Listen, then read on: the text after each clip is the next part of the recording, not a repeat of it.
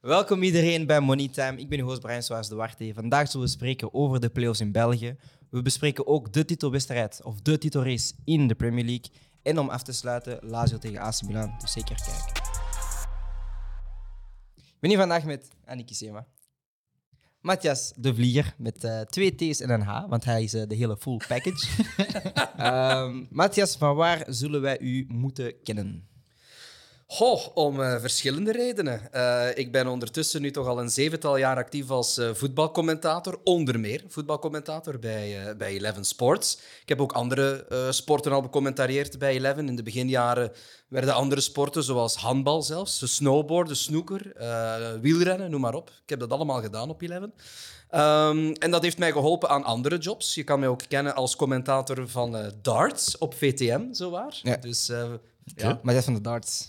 Hij is Ja. zo... ehm, we hebben zo Gilles die heel vaak jinxt in voetbal. Hij is hetzelfde in darts. Ik doe Ja. dat in darts, ja. Als ik zeg van oké, die moet nu dat doen, doet hij exact het tegenovergestelde. dus ik heb al een bijnaam in darts gekregen, na- namelijk de Jinxer. Dus, eh, dus ja, eh, darts becommentarieer ik. Ik becommentarieer ook e-sports, FIFA en binnenkort ook eh, Counter-Strike.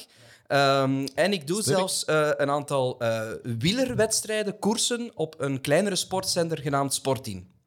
Dus dat is heel wat. Van alles. Van alles. Dat is heel alles. wat. Van alles. Dus, eh, maar in, als je voetbal bekom je uiteraard bij Eleven, dan is dat merendeel Serie A en eh, de Belgische 1B-competitie. Eh, ja, ik heb eh, meestal in het weekend altijd een 1B-wedstrijd, dus tweede klasse in België. Die competitie is nu afgelopen. En een internationale match, meestal Bundesliga of Serie A. Heel af en toe is La Liga. Oké. Geen La Liga-fan. Minder. Ehm, Michael van Varenberg zal me nu vervloeken. Ehm, maar ik heb heel veel affiniteit met Italië als land zijnde. Ik vind dat een, een geweldig land, Italië. Eh, nagenoeg ieder jaar ga ik wel eens op vakantie naar Italië, ook dit jaar. Ja. Eh, dus vandaar iets meer affiniteit met, eh, met Italië. Voordat we ehm, de sprong maken naar Italië, ehm, ga ik eerst vragen hoe, dat jullie, twee, hoe dat jullie weekend waren. Sorry. Eh, Andy, hoe was jouw weekend? Eh, ik heb een goed weekend gehad. Eh, ik had gisteren nog wedstrijd met de City Met- Pirates, met de meisjes, meisjes. Eh, met zowel de U16 als de eerste ploeg. Twee keer gewonnen. Va. Stabiel. Stabiel. En eh, wat heb ik in de avond gedaan? Ik weet het niet. Ik weet dat ik vroeg ben gaan slapen omdat ik echt moe Was was. je niet op een trouwfeest weer al? Nee, nee, nee. Dat was, eh, Pepito was alleen. Ah, oké. Nee, nee, nee. Dat leek dat jij erbij was. Nee, nee, nee, nee. nee. Zeker? Ah ja, nee, nee. Ik ben, met, eh, ik ben gaan uiteten in... uiteten. Ik ben met Mohamed Buddy gaan eten in Loa. Je Ah, Loa Burger. Ja, Loa Ja, Burger. want eh Team en Alex blijven er zo hypen voor een week. Heb ik nog Nee, steeds niet gedaan. maar- Echt goeie. En Jill ook, denk ik. Ik neem jou mee. Wat had jij?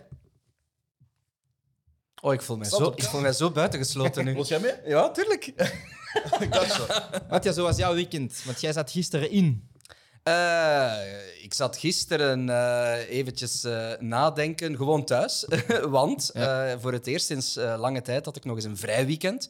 Komt niet te vaak voor. Ehm, dus op zaterdag had ik tijd om eens met mijn zoontje te gaan wandelen in een bos eh, vlakbij waar wij wonen. Eh, ik heb eh, in de namiddag dan ook naar RWDM gekeken tegen Serrain, barragewedstrijden. En eh, ja, op zondag heb ik ook eh, rustig thuis gezeten, wat wedstrijdjes bekeken. Eh, dus eh, rustig eigenlijk, heel rustig. Een rustig weekend. En jij? Ik zat eh, vrijdag in Parijs, zaterdag in Parijs. Eh, ja. Ik heb eh, een verlies. Zaterdag moeilijke dag, hè? Dat is- Nee, dat was oké. Ik zat in Parijs toch? hè? Het is rustig. Hè? Ik weet niet wat er is gebeurd zaterdag. Voor mij is er niks gebeurd. Ik dacht dat het 31 graden was. Heb je zo 3-1 31 graden? in Parijs? In Parijs? Ja, ik dacht dat. Ah, ik weet niet, man. Parijs was rustig, man. Het was 1-1 daar. Ze hebben gelijk gespeeld tegen ons, dus ça va. Het Oké, hè. oké, oké. Maar ik weet niet wat je wil zeggen. Nee, ik kon niks zeggen. Ah, oké, dat is geen probleem dan. Bon, MVP's van dit weekend. Eh, ik begin eerst bij Matthias. Matthias, wie was jouw MVP van dit weekend?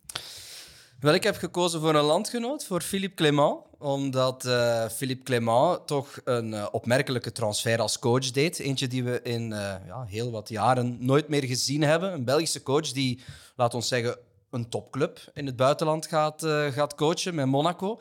Moeizame start, ook al won hij af en toe wel eens een, een topmatch. Hè, maar moeizame start, veel punten verloren tegen de kleintjes. En eigenlijk niet zo heel lang geleden eh, leek het alsof hij met een half been buiten lag bij Monaco. En intussen hebben ze nu 18 op 18 gehaald. Ze hebben eventjes op een derde plaats gestaan, maar ik denk dat ehm, was het nu Lille gewonnen heeft, waardoor ze nu op de vierde plaats staan. Maar wel ja, binnen de plaatsen voor eh, eventueel toch nog Champions League te voetballen. En ik denk dat weinigen dat nog hadden gedacht. Eh, ze staan momenteel vierde, maar Ja. met gelijke punten als Ren. Ah, Ren was het. Ja, Inderdaad. En eh, alleen Ren heeft een beter doelpuntensaldo dan Ja. eh, Monaco. klopt. Andy, wie is jouw MVP van dit weekend? Eh, wel, ik heb eh, toevallig naar Gent-Genk gekeken. En eh, die jongster, Andres eh Nemet, Ja. eh, die de winnende goal heeft gescoord, neem ik als MVP. Puur waarom? Omdat ik al vind dat hij al veel langer meer speelkansen moet krijgen. Natuurlijk, dat is, dat is moeilijk. Je hebt uh, want hij, hij kan er zo overal van voorspelen, maar die spelen meer uit als, als diepe spits. Ja. Ja, hij heeft eigenlijk een invalbeurt gehad in de 89ste minuut. Ik denk twee minuten later heeft hij toen een doelpunt gescoord. Ik heb eigenlijk ook Luca Ooyen ook mee als MVP. Die heeft de tweede helft gespeeld. Super mooie wedstrijd gespeeld ook. Allee, laten we zeggen, de wedstrijd Gent was eigenlijk wel een beetje baas, maar Genk heeft toch wel... allee, de jongsters hebben het eigenlijk toch wel gedaan. Het is meer daarvoor dat ik Andres Nemet ook neem. Puur ook gewoon, ja, het is- die heeft superveel talent. En ook gewoon, ja... eh, ik hou van... Allee, ik zeg dat heel vaak in de, in de episodes, maar ik hou van slimme spelers. Die, ik vind die jongen super intelligent voor zijn leeftijd, ook super matuur. Balbehandeling altijd super rustig. Die kan dribbelen, die kan trappen. Allee, dat is dus sowieso toekomst. Allee, toekomst voor Hongarije, want je gaat waarschijnlijk daarvoor kiezen. Maar, Ja, hij speelt ook daar voor de Ja, ja, hij speelt Ook voor de jeugd daar. jeugdreeksen daar. Dus ja, dat is mijn MVP. Nee, inderdaad. Nemeth zit inderdaad wel ook al een lange tijd bij de selectie. Alleen, ik denk dat hij een beetje slachtoffer is van... Ja, Onuachu draait ja, twee jaar lang een redelijk... Ah, ja, vorig jaar zeker, maar dit jaar iets minder. Maar toch wel twee jaar lang goede seizoenen. Ehm, wat was de score van Barça tegen Rayo Vallecano? Oh, dat is verloren 0-1. Alleen, ja. Daar zullen we dan straks nog verder over spreken. Maar nee, Nemeth zit inderdaad wel een lange tijd bij die selectie. Alleen is het gewoon moeilijk, zelfs ja, als Dessers moet vertrekken omdat hij niet genoeg speelt, als Oekbo ook vertrekt omdat hij niet genoeg speelt, ja, dan, dan weet je dat het moeilijk gaat worden. Wat ik wel apprecieer bij de coaches bij, bij, bij Genk dit jaar is wel, er zijn wel heel veel jongens van die lichting, want zij zijn nu kampioen gespeeld in de 21. Heeft hij er wel bij gehaald, um, en ja, vaak laten meedraaien met deze ploeg, op de bank gehaald. vooral, Dus ja. hij is wel... Want niemand verwacht dat, dat hij volgend jaar bij Genk gaat blijven en dat Wouter Franke gaat overnemen. Allee, dat is toch de geruchten.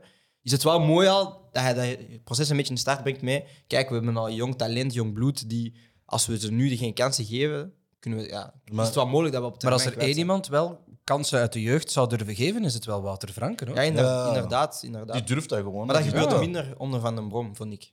Ja, maar van den Brom. Want je hebt nu Stork die daar is. Ja. Ik zou die nog even laten. Ja, ik weet niet. Het type voetbal dat, dat ze bij Genk willen brengen is toch meer iets attractiever. Ehm Stork is zo meer een coach die ja, het bloeden moet stoppen bij Genk. En eigenlijk, ja, als, als een coach dat die al gewoon tot het einde van het jaar moet overnemen en niet Ja. een, een, een kampioenencoach, denk ik. Je voelt aan alles dat dat zo'n beetje een tussenpauze is. hè. Ja, Zo die, die stork. Ja. Zo wat, dat- wat dat Chelsea elk jaar heeft gedaan ehm, als ze Hiddink terughaalt. Ja, ja, ja, ja, even ja. iemand die even het bloeden stopt, eh, Ja. stabiliseren. Even stabiliteit Ja, brengen en, en dan, de volgende anders, coach die ja. overpakt. Dus ja, ik denk dat hij zijn rol daarin redelijk goed heeft gedaan. Eh, alleen ze hebben, de periode dat hij kwam, moesten ze Europees nog kwalificeren, is niet gelukt. Maar heeft wel Genk een beetje terug kunnen ja, op het rechte pad. En wat ik wel appreciëer is van, maakt niet uit wie dat je bent. hè. Bogonda, bank soms. Je hebt Onwatch een paar keer gaat hij op de bank starten. Dus hij durft wel die, die, die, die sterren in de ploeg op zijn. Maar hij heeft wel zo'n bepaalde rotatie dat wel constant doet. Ook, ook van achter. Ja, Altijd, je hebt altijd ofwel eh Lukumi met, Cuesta. Nee, Met- Lukumi met eh Sadiq. met Sadiq en dan heb je Cuesta met eh McKenzie. Ja, ja, ja. Zijn jullie daar fan van, van die constante rotaties? Ik minder. Ik vind dat moeilijk. Ik minder. Ik, Ik ben, ik er ook, hou, ben ik, er ook niet zo'n fan van. ik hou ervan dat je zo een bepaalde elf hebt en dat je daarvan nog zo wat drie, vier wissels hebt of zo. Maar ja, ik denk ook, ja, je moet wel een brede kern hebben, maar ze rekenen denk ik ook op Europees voetbal. Misschien is het ook daarom. Omdat ze overal, overal ze wat, zo wat dubbel bezet, of zelfs triple Ja. bezet. Jij wilt geen mening mag niet, nee, ik mag niet zeggen. Oké. Zeg maar, Nee, nee, ik mag niet. Nee, nee, ik mag niet. waarom niet? Want als ik zeg waarom, dan... Dan breng ik Dan mijn... dan zijn we weer een uur bezig. Nee, nee, dan breng ik mijn vrienden vrienden in de problemen, dus dat doe ik niet. Ah. Daarom. Maar ik weet waarom, ik zal straks uitleggen waarom. Allee, ja, het, is, het is heel logisch als je het Ja, maar-. Maar ehm, nee, ik vind dat het wel redelijk goed heeft gedaan. Genk heeft dan inderdaad vandaag gewonnen tegen Gent met het doelpunt van Nemeth. Dus eh, ja, sowieso dan een, een shout naar Nemeth die eh, ooit mag langskomen. Hm? Eh, Wie is jouw MVP? Mijn MVP van dit weekend, eh, het is iemand die vandaag is verloren. Het is Brian Priske. Ehm, ik zal straks dieper uitleggen wanneer we over de wedstrijden spreken waarom dat Priske mijn MVP is. Anders gaan we nu een beetje te veel mengen. Maar ik wil eerst een stap maken naar Italië. Eh, omdat ook de laatste wedstrijd die we vandaag hebben bekeken. Lazio tegen AC Milan. De wedstrijd is geëindigd op een 1-2 overwinning van AC Milan met een doelpunt van Tonali in de 90 minuut. 92 92 minuten, Tonali dan eh dat zijn t-shirtje uitdoen, daarna eronder een thermisch truitje aan heeft. Dus waarom doe je t-shirt uit? I don't know, maar ça va. Dus dat is nu... Hij had wel een paar tatoeages op zijn arm, dus oké. misschien wel. Maar ik ga, ik ga nu vieren, ik ga nu vieren, maar ik ga mijn t-shirt toch nog aanzien. Ja, wat is het nu? Maar bon, oké, als Milan wint wel. Ehm, ik vond Leao heel sterk vandaag. Ehm, om ook eerlijk te zijn, denk ik wel dat Milan wel de overwinning verdiende. Omdat zij toch wel, na het doelpunt van eh Lazio dat heel vroeg kwam, hebben zij wel de wedstrijd overgenomen en constant, Constant, druk, hoor. ja, Constant constant druk gezet. En dat was een moment waar jij aanhaalde tijdens de wedstrijd, Matthias, was van... Ja, hij haalt altijd Giroud eraf voor zijn Slatan. Waarom zet hij nooit eens Giroud en Slatan erop? Nu heeft het wel gewerkt, Ja. een beetje met een geluksje. Maar Het Ja, lukt niet altijd hoor. ja, maar ik, ik weet het, maar het is wel opvallend steeds dat hij inderdaad op het moment waar je dan doelpunten nodig hebt, dat je je spits, die Giroud zat wel redelijk goede wedstrijd, dat je die eraf haalt. Ja, daarom is hij ook zo boos. Hè. Tuurlijk, ja, die, die, die moest even op de, de goud kloppen, zelfs uit frustratie. Ja, ik begrijp het niet waarom je als coach eh, blijft Maar doen. goh, Giroud en Zlatan in de spits hebben, is gewoon ballen naar voren gooien. Dan is dat dan de bedoeling. Gewoon lange ballen. Tja. Uiteindelijk eh, valt die laatste goal ook doordat eh Ibrahimovic Ja, die bal kan tuurlijk. doorkoppen naar Tonali. Hè. Tuurlijk, maar... Daarvoor staat, of wordt hij erin gebracht. Hè.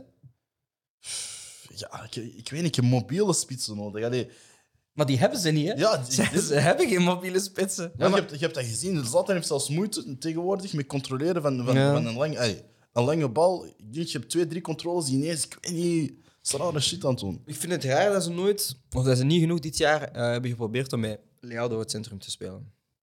Om Ja. toch eens gewoon te, te gaan testen hoe, wat dat geeft uiteindelijk. Want hij heeft de postuur ervoor, is technisch goed genoeg, is doorrecht. Maar hij heeft die vrijheid op die flanken wel nodig. ja, sowieso. Hij heeft die snelheid, hij heeft, die, hij heeft, hij heeft dat flitsende. Dat ik, allez, ik ga geen vergelijkingen trekken, maar bijvoorbeeld Eden Hazard bij Chelsea, die kon dat ook zo plots vanuit stilstand Ja. Vertrekken. tjak, vertrekken en, en je zag hem niet meer terug. En Leao die heeft dat nog meer zelfs, vind ik. Ja, sowieso. Maar bijvoorbeeld nu de eerste helft. ehm dat wordt, ik, ik vind altijd een gek concept hè, dat je zo een diepe bal moet geven op Giroud, wetende dat hij die bal moet gaan halen. Maar ik denk van ja, als die drie ballen erdoor komen, of ze kwamen erdoor en, en Leal loopt daarachter, geeft dat een ander gevoel, denk ik, dan als je, ja, als je dat doet met een Giroud bijvoorbeeld. En ik denk ook dat je soms wel limiteert om, om in een bepaalde stijl te gaan spelen met Giroud, want die, die leeft op voorzetten. Terwijl bij, ja, terwijl bij Leal kan je die inderdaad ook in de voet spelen of in de diepte. En dat geeft denk ik nog net een andere dynamiek. Je geeft het wel zelf aan. Hè. Giroud leeft van voorzetten. Hoeveel voorzetten hebben wij eigenlijk gezien? Deftige Niet naar veel, Giroud? Niet veel, niet veel. Maar ik weet ook nog dat ooit Arsene Wenger had gezegd eh, in een interview van, eh, ja, dat Giroud meer scoort van een voorzet vanaf op eh, links dan als hij van op rechts kwam. Hij had gezegd van ja, dat hij zo'n rare statistiek heeft dat hij altijd meer scoort van de ene kant. Maar waarom dat, dat gebeurt, weet ik ook niet. Ik vond dat Calabria ook niet er veel overkwam. En, en, en, en Hernandez doet dan wel. Maar omdat je dan speelt met een Leao die dan graag... Want Leao komt niet veel naar binnen eigenlijk, als je erover nadenkt. Hè? Ik vond dat een probleem in de eerste helft, die twee. Want je had echt zo een moment, ja, nadat Lazio had heel vroeg gescoord, maar je had zo dan de drie, dus Tomori, Calori en Calabria. Ja. En je had dan echt zo Fernandes die al gewoon Hernandez. basic, eh, sorry, Hernandez die basically naast, die waren gewoon naast elkaar aan het lopen. En ik had zoiets van ja, moet de ene niet in het centrum gaan, zodat de, Ja. want dat was de hele tijd, dat was precies dubbel bezit constant, maar er was ook gewoon geen beweging. Er was helemaal niks eigenlijk, snap je? Dus voor mij was het meer van oké, wat zijn je dan met twee daaraan doen? Er komt ook geen voorzet, er kwam nooit een voorzet. Het was meestal Leo die een actie wou doen. En zoals jij zei, je hebt ook aangegeven van oké, altijd outside, inside, outside. Dan, Ja. Dat was constant dezelfde actie, maar dan had ik zoiets van oké, Hernandez, wat bent je aan het doen? Ja. Tweede helft zag ik wel een verandering dat hij niet meer langs buiten liep, maar dat hij echt Langs, meer binnen, langs langs binnen kwam. Maar dat ik ook ook zo is- omdat hij veel meer van afstand Ja. kan schieten. Ja, het, het, het probleem misschien bij, bij Milan, denk ik, is dat het misschien een beetje te voorspelbaar is geworden. Want die linkerflank is eigenlijk hun sterkste flank, met dus Hernandez en Leao. En op rechts is het eigenlijk een beetje minder, vind ik. Met Ja. Calabria en met dan Junior Messias. Messias. Ja, en zelfs als de Salamakers erop zit, is ook, Ik vind, is ik ook vind, wat ah, vind- je hebt een heel duidelijke zwakke kant en een heel duidelijke hele goede kant. En misschien wil Hernandez een beetje overcompenseren, ik weet het niet. Dat, dat, dat ze beseffen van, oké, wij moeten het forceren aan Ja. die kant. Ja. Ik vond het ook niet slim gespeeld van Lazio ergens. Ja, ik vond, ik vond Lazio ook zo... eh, ze scoren dat doelpunt en, en, en ze waren redelijk goed in die wedstrijd. En ik heb het gevoel... En dat is heel raar, want Sarri is normaal niet dat type coach. Maar zo, ja, zo, ze waren heel snel terughoudend en, en, en paniekerig. En dan waren momenten op de counter waar je denkt van... Ze kunnen het beter uitspelen. Maar ik denk ook gewoon dat het kantelmoment in die wedstrijd was van... Het moment dat Immobile die bal krijgt... ja, als hij daar kan doordraaien en hij speelt de bal weg op links, ja, dan heeft, ja, dan heeft is het potentieel, potentieel 3 tegen 1. En daar maakt Kalulu dan wel die slimme professionele fout. En dat is soms wel dingen dat, je, dat, dat ploegen niet vaak beseffen, maar het is die maturiteit wel om op dat moment te gaan zeggen van kijk, we maken hier die fout, pak hier die hele kaart om dan terug weer in positie te gaan staan en dan weer die wedstrijd te kunnen aanpakken. Maar eh, wie zien we het dan halen in de Serie A? Voilà, ik denk nog steeds Inter, maar nu is het nog wel steeds spannend. Eh, als we dan eventjes eh, de top 5 gaan overlopen in de Serie A, dan zit het uh, AC Milan met 74 punten. Wel één wedstrijd meer gespeeld dan Inter. Inter staat tweede met uh, 72 punten, en dus inderdaad 33 wedstrijden. Napoli heeft gisteren ook een steek laten vallen. Hij heeft verloren met 3-2 tegen Empoli. Mogen wij trouwens, want we selecteerden een MVP van het weekend, mogen we een loser van het weekend Dat selecteren? mag jij zeker doen. Mijn selectie gaat dan naar Alex Meret, want eh, die heeft het wel een beetje laten liggen voor Napoli. Ja, keeper. ik, vind het, ik vind het inderdaad jammer. Ja, ja de 2-2. De 2-2 heel Die 2-2. best. Oh, my god. Schuldig. Dat is, dat is om door de grond te zakken hè, als keeper. Maar ja, hij moet die bal daar veel rapper Ja, wegtrappen. maar dat, is, dat, is zo, dat is zo typisch het Heenaarse voetbal. Is van, ja, zeiden, van ja, ja, voetballende keepers. En, dan, en ik vind het jammer, dan, als voetballer kun je toch inschatten van... Oké, als ik hem nu iets te lang bijhoud, of als ik hem nu kort inspeel, word ik vastgezet. Ook wat ik zei tijdens de wedstrijd met, met AC's. Van, eh, ja, hoe kan je nu... Je, ziet toch van, die druk is er. En toch zeg je van, ik ga hem toch kort inspelen. Ja, maar ze Ja, die al- gele kaart van eh, de keeper van Lazio bedoelt je zeker, hè? Nee, nee, dat was die, eh die terugspeelbal. Die terugspeelbal. Dat- Ja, ja, ja, ja, ja. Ah ja, terugspeelbal. Eh, ik weet niet wie het was. eh, iemand van voor bij AC eh, speelt de bal kwijt en hij pakt hem dan ineens. Ja, hij pakt Ja. hem opzettelijk op. Waar dan, waar, waarvan dat jij vond dat het een rode kaart was. Ja. Nog steeds? ja. Mm. De commentatoren zelf ook die twijfelden hè, of dat het eh, rood moet zijn of niet. Hè. Volgens Frankie. mij een, een keeper die handspel maakt buiten Maar is nooit rood. het strafschopgebied. Hensbal is nooit rood geweest. Hè. Ik denk het wel. Meteen rood. Ja, denk het wel. Ik heb één keer meteen rood gezien. Ik denk dat het Puyol was vroeger. Maar, ik ben niet Maar, maar eh, Puyol, Ja, Wist niet als je een goal stopt, dat het rood is? ik denk... Ja, dat weet ik ook niet meer. Als je echt, ja... maar een keeper, hè? Dat, we hebben het over een keeper, Ja, hè, een die keeper. buiten zijn, zijn Ah. grote baklijn hens Ik maakt. kan me dat niet herinneren, maar ik denk niet dat het meteen rood is. hè. Ik denk dat hensbal gewoon met, altijd gewoon geel is. Als je kijkt naar de regels. Dus ik, Ik, vind het een eh, beetje... Ja. Annie zoekt het eh, op, maar ik ga dus eventjes snel de top 4 afronden. AC Milan staat dus 1 op, eh, met 74 punten. Inter staat op 2 met 72 punten. Napoli staat op 3 met 67 punten. En Juventus staat op 4 met 63 punten. En daaronder heb je dan nog steeds AS Roma met 58 en Fiorentina met 56. Maar wij zien dus Inter kampioen spelen. Voilà. Milan heeft nog een redelijk tricky parcours te, te bewandelen. Hoor. Ja, het moeilijkste parcours. Hoor. Inter Ja, speelt eh, enkel, eh, dat is wat Gilles ook gisteren zei, die speelde enkel tussen de, allee, tegen de ploegen tussen de eh, positie 12 en, en lager. En Inter heeft nog, eh, sorry, AC heeft nog eigenlijk echt nog harde toppers tegen. Eigenlijk, ik de denk de moeilijkste match nog voor Inter is hun inhaalmatch tegen op Bologna. Ik denk dat is zo'n vervelende ploeg om tegen te moeten spelen. En, en, en Milan heeft eh, Atalanta nog, Fiorentina. Ja, maar dat is allemaal thuis wel, hè, denk Ja, ik. eh, dat wel. Atalanta is thuis, inderdaad. Ja. En Fiorentina is... Ze moeten nog naar Hellas Verona, denk ik. Dat is ook niet zo'n makkelijke verplaatsing.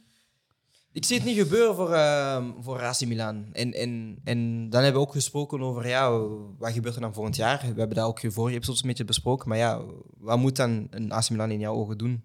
Ook nu met Leao bijvoorbeeld. Hou je, hou je hem bij nog een jaar en dat je dan daar nog rond een beetje kan bouwen? Of verkoop je hem? Als, probeer je hem nu al als, als hij wil bijtekenen, moet, moeten ze altijd hem een verbeterd contract geven. Maar ik denk dat het allemaal nog een beetje onduidelijk is eh, met die nieuwe investeerder. Hoeveel geld gaat er zijn naar transfers toe? Hoe- wat is er mogelijk om, om dat contract Ja, is die er? te, te pimpen? Ja, Is die er? Dat is al de eerste Ja. vraag. hè? ja, maar ja, je moet dat natuurlijk wel weten, want binnen een paar maanden kun je aan transfers beginnen denken. Hè. Eh, Dus ja, Trouwens, over het hensbal, het is geel. toch? Of een keeper ook? Ja, ik dacht het wel. Hensbal is nooit meteen rood geweest. Ik snap niet ook dat ze die regel zo... Het is enkel rood Plus, ja, als je de, de goal echt tegenhoudt. tegenhoudt. Ja, maar dat is dan een veldspeler. Maar het ding is ook gewoon, dat, ook met die regel van dubbele bestraffingen zo, dat ze dat hebben, daaruit hebben gehaald. Dat is meestal met penalties, maar ik denk ook daarom, snap je? Want ja, als je dan een keeper rood geeft, dan dat is heel veel consequenties in pas van geel. Maar ik denk dat je daar inderdaad... Als de bal naar het doel gaat en hij pakt hem, dan zou ik nog kunnen geloven dat het rood was. Maar omdat hem ja, nergens naartoe ging eigenlijk, dus hij had ook geen reden om de bal te pakken, Ja. kan je hem nog Daar, geven. ja, daar volg ik in. Ehm eventjes een paar eh actua puntjes. Ehm, dus Barcelona heeft net verloren tegen Rayo Vallecano met 1-0. Ehm, daarbij kunnen we ook even bespreken over de Spaanse bekerfinale. Real Betis eh, wint de Spaanse beker. En dat is hun eerste ehm, ja, Copa del Rey sinds 2004 en 2005. Toen zij gewoon tegen um, Osasuna. En als ik me niet vergis, is Joaquin de rode draad, want die was er toen ook bij, denk ik. Mhm. Bij, Bij Betis. bij Betis. Denk het wel. Even kijken. hè. Die man is denk ik dezelfde leeftijd als eh, Ibrahimovic. Ja, die is 40, hè? Ja. Ik vind dat wel cool. Ik vind dat echt cool. Je hebt een moeilijke Ja, moeilijk moet ook gaan, hè? Eh, eens kijken, hè. Joaquin. Eh, opstelling, opstelling, opstelling. Maar dat is een legend daar. Ja, Dat is echt. echt... eh, Eh, dat staat eigenlijk op een van mijn to-do-lijstjes terwijl dat jij aan het sturen bent, Brian. eh, is een wedstrijdje, thuiswedstrijdje meepikken van eh Betis. Eh, Matthias, Ben- in Benito Villamarin. jij bent een leugenaar. Ben ik een leugenaar? Was hij er niet bij? Nee. Oh. Geen go- Ja, ja, ja, ja, mijn excuses, mijn excuses, mijn excuses. Mijn excuses, mijn excuses. Ja, is er wel bij, is er bij. Drientje niet jaar. Rechtsbuiten, Joaquin. Ja, ja, ja, oké, oké. Hoppa. Sterk, sterk. Dus mij gaan we nooit Wiesbalie doen. maar eventjes eh, om de top 5 in, eh, of de top 6 in La Liga eh, een beetje te schetsen. Real Madrid staat op 1 met 78 punten. Zij gaan eh, kampioen spelen. Barcelona staat op plaats 2 met 63 punten. Sevilla staat op plaats 3 met 63 punten. Atletico Madrid staat op plaats 4 met 61 punten.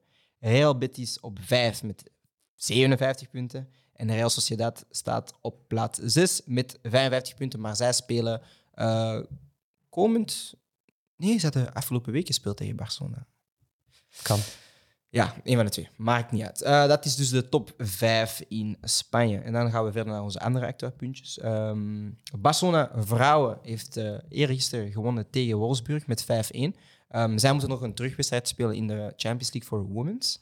Ehm, Lyon tegen PSG vrouwen werd ook, eh, is ook geëindigd in 3-2 voor Lyon. Zij moeten dan dus ook een terugwedstrijd spelen. Ehm, dus wij kijken ook naar uit naar die eh Ja, maar Barcelona wint de Champions League. hè. Dus dit jaar die zijn in de competitie waar die na amper wat, is het, 25 wedstrijden, waar ze al kampioen of 26 wedstrijden. ja. En zoiets waar ze al kampioen, die hebben alles gewonnen, niks verloren. Eh, Ze zitten ook in de Copa del Rey bijna in de finale. Ik denk nu halve finale is. Ik weet het niet meer zo goed. Champions League zijn die ook gewoon iedereen gewoon aan het kapot aan het maken. Dat is, dat is niet normaal. Dat is echt. eh, Beetje zoals jij met je vrouw in de Eh. competitie. Hè? Weet je wat een doelpuntensaldo is? Oef, nee. 100? Nee, nee, 99 is eh, nu is het 113. 113. Cheat. Snap je? Die winnen elke... Kunnen... Wacht, Cheat? Die winnen elke wedstrijd met 10, met 10 doelpunten verschillen. Ja? Is lekker? Nee, man, ken je, man. Mooi.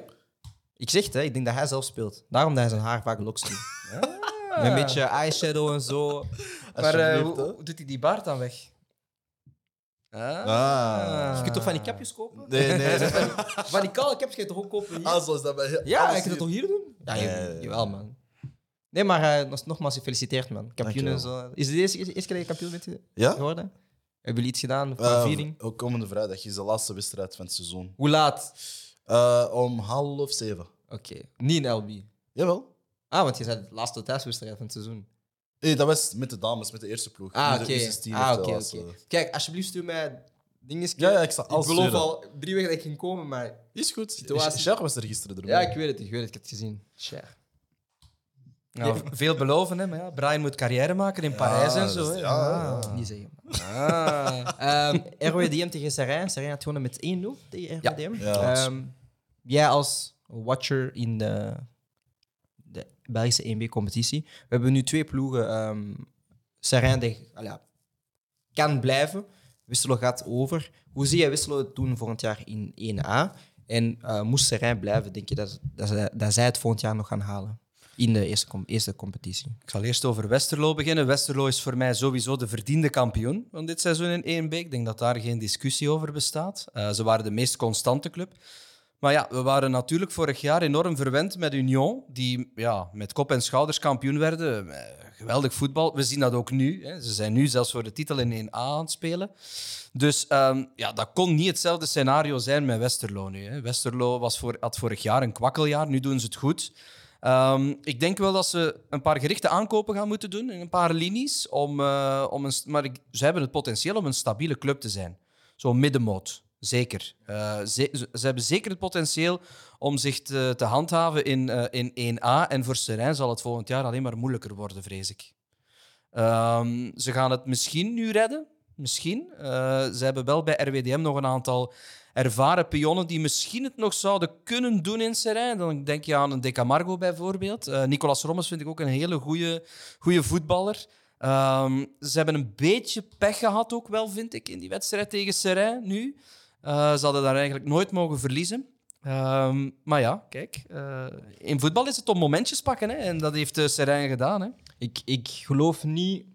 ik zal eerst beginnen over Westerlo. Ik denk niet dat zij genoeg kwaliteit hebben om het volgend jaar goed te doen.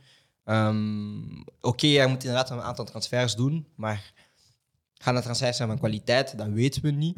Um, ook de speels die ze nu hebben, dan ga ik naar een Maxime de Kuiper, die vertrekt dan volgend jaar waarschijnlijk terug naar Club Brugge. Of misschien een nieuw... Hij gaat uh, terugblijven, dacht ik. Ja. Uh, ik dacht gelezen te hebben dat hij verlengd... Uh, ja, een jaartje blijft. Ja. Ik vind het moeilijk. Uh, ik, had, ik heb ze gezien tegen Lommel een aantal weken geleden. Ik was niet onder de indruk uh, van een ploeg die dan kampioen speelt, of dat op die dag kampioen kon spelen. Um, nu natuurlijk hebben ze het wel een week daarna kunnen uh, krijgen, want dan had, wie was het tweede? RWDM verloren. -hmm. maar ik was niet overtuigd van Wisselo. En ik denk ook gewoon puur qua kwaliteit in die selectie is het voor mij niet goed genoeg. Um, naar RWDM toe hetzelfde. Oké, okay, je wilt nu op ervaring spelen, spelers die het hebben gedaan in 1A. Um, maar ik geloof niet dat dat het werkt. Plus ook, ja, het zijn spelers die in een oudere stage zitten in hun, in hun carrière gewoon. Um, en dan hetzelfde met Sarijn. Sarijn weet ik niet genoeg van, dus ik kan het daar niet op, uh, op, op inspelen. Maar dat je daarvan ook een, een, lange strijd hebt moeten hebben met Beerschot, die zelf ook niet zo top was dit jaar, ja, dat, dat, dat, dat toont niks veelbelovends aan, snap je? En, okay. en ik, ik vergelijk vaak een Sarijn met een Virton.